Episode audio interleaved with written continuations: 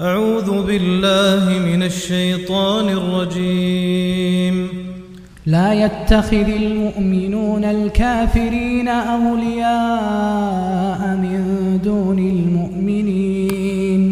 ومن يفعل ذلك فليس من الله في شيء إلا أن تتقوا منهم تقاه. ويحذركم الله نفسه وإلى الله المصير. سورة آل عمران هي سورة مدنية كما هو معلوم وأجمع العلماء على ذلك. وهي سورة تعد من السور التي تقرن بسورة البقرة. ولكن آيات الأحكام فيها التي عدها هنا المؤلف الشيخ صديق حسن خان عد ثلاث آيات فقط هي آيات الأحكام في هذه السورة. هذه هي الآية الأولى. وعندما نقول آيات الأحكام فالمقصود آيات الأحكام الشرعية العملية الفقهية.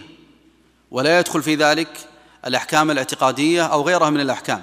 فهو مقصود آيات الأحكام هو الأحكام الفقهية العملية. هذه الآية الأولى لا يتخذ المؤمنون الكافرين أولياء من دون المؤمنين. في هذه الآية عدد من الأحكام الحكم الأول عدم جواز موالاة الكافرين. عدم جواز موالاة الكافرين. ودليل النهي هنا هو ماذا؟ دليل النهي؟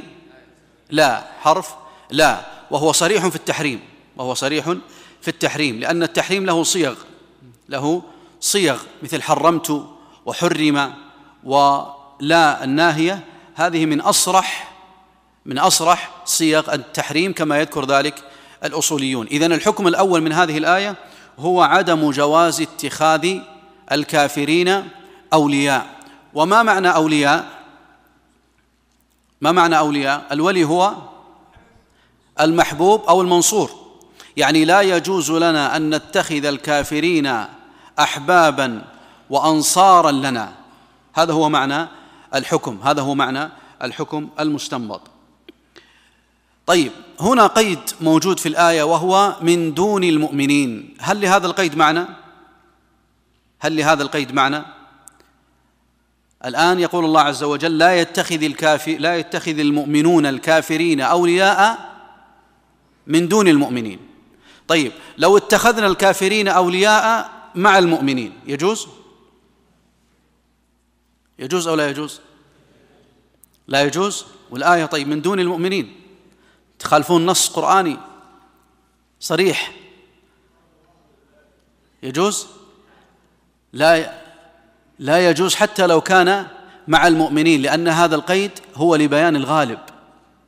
الغالب أن تكون موالاة الكافرين من دون المؤمنين. وهذه القيود سأتحدث عنها في, في, في الآية الأخرى إن شاء الله. متى يكون القيد هذا له مفهوم ومتى لا يكون له مفهوم؟ وهذا مهم جدا في دراسة آيات الأحكام. مهم جدا في دراسة آيات الأحكام لأن كثيرا من آيات الأحكام تأتي بقيود. وهذه القيود هل لها مفهوم؟ وتعرفون أن من أدلة الشريعة هو مفهوم المخالفة عند جمهور العلماء. ومفهوم المخالفة قد يكون مفهوم صفة أو أو مفهوم شرط أو مفهوم غاية أو مفهوم عدد أو تقسيم أو لقب أو غير ذلك. فهذه المفاهيم إذا وردت في الآيات هل لها معنى أو ليس لها معنى؟ هل لهذه القيود أو ليس لها معنى أو لا؟ هذا مهم. أن يضبطه من يريد معرفة آيات الأحكام في القرآن الكريم.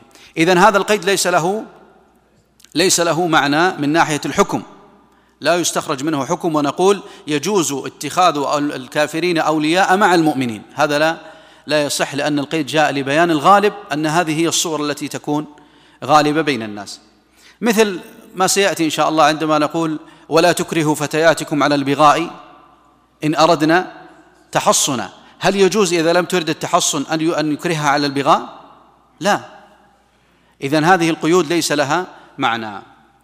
هذا هو الحكم الأول. الحكم الثاني المأخوذ من الآية هو جواز اتقاء شرور الكفار جواز اتقاء شرور الكفار باظهار بإظهار ما يدفع شرهم. وهذا مستنبط من قوله تعالى إلا أن تتقوا منهم تقاه. قال ابن عباس إنما التقية باللسان يعني ليست بالقلب.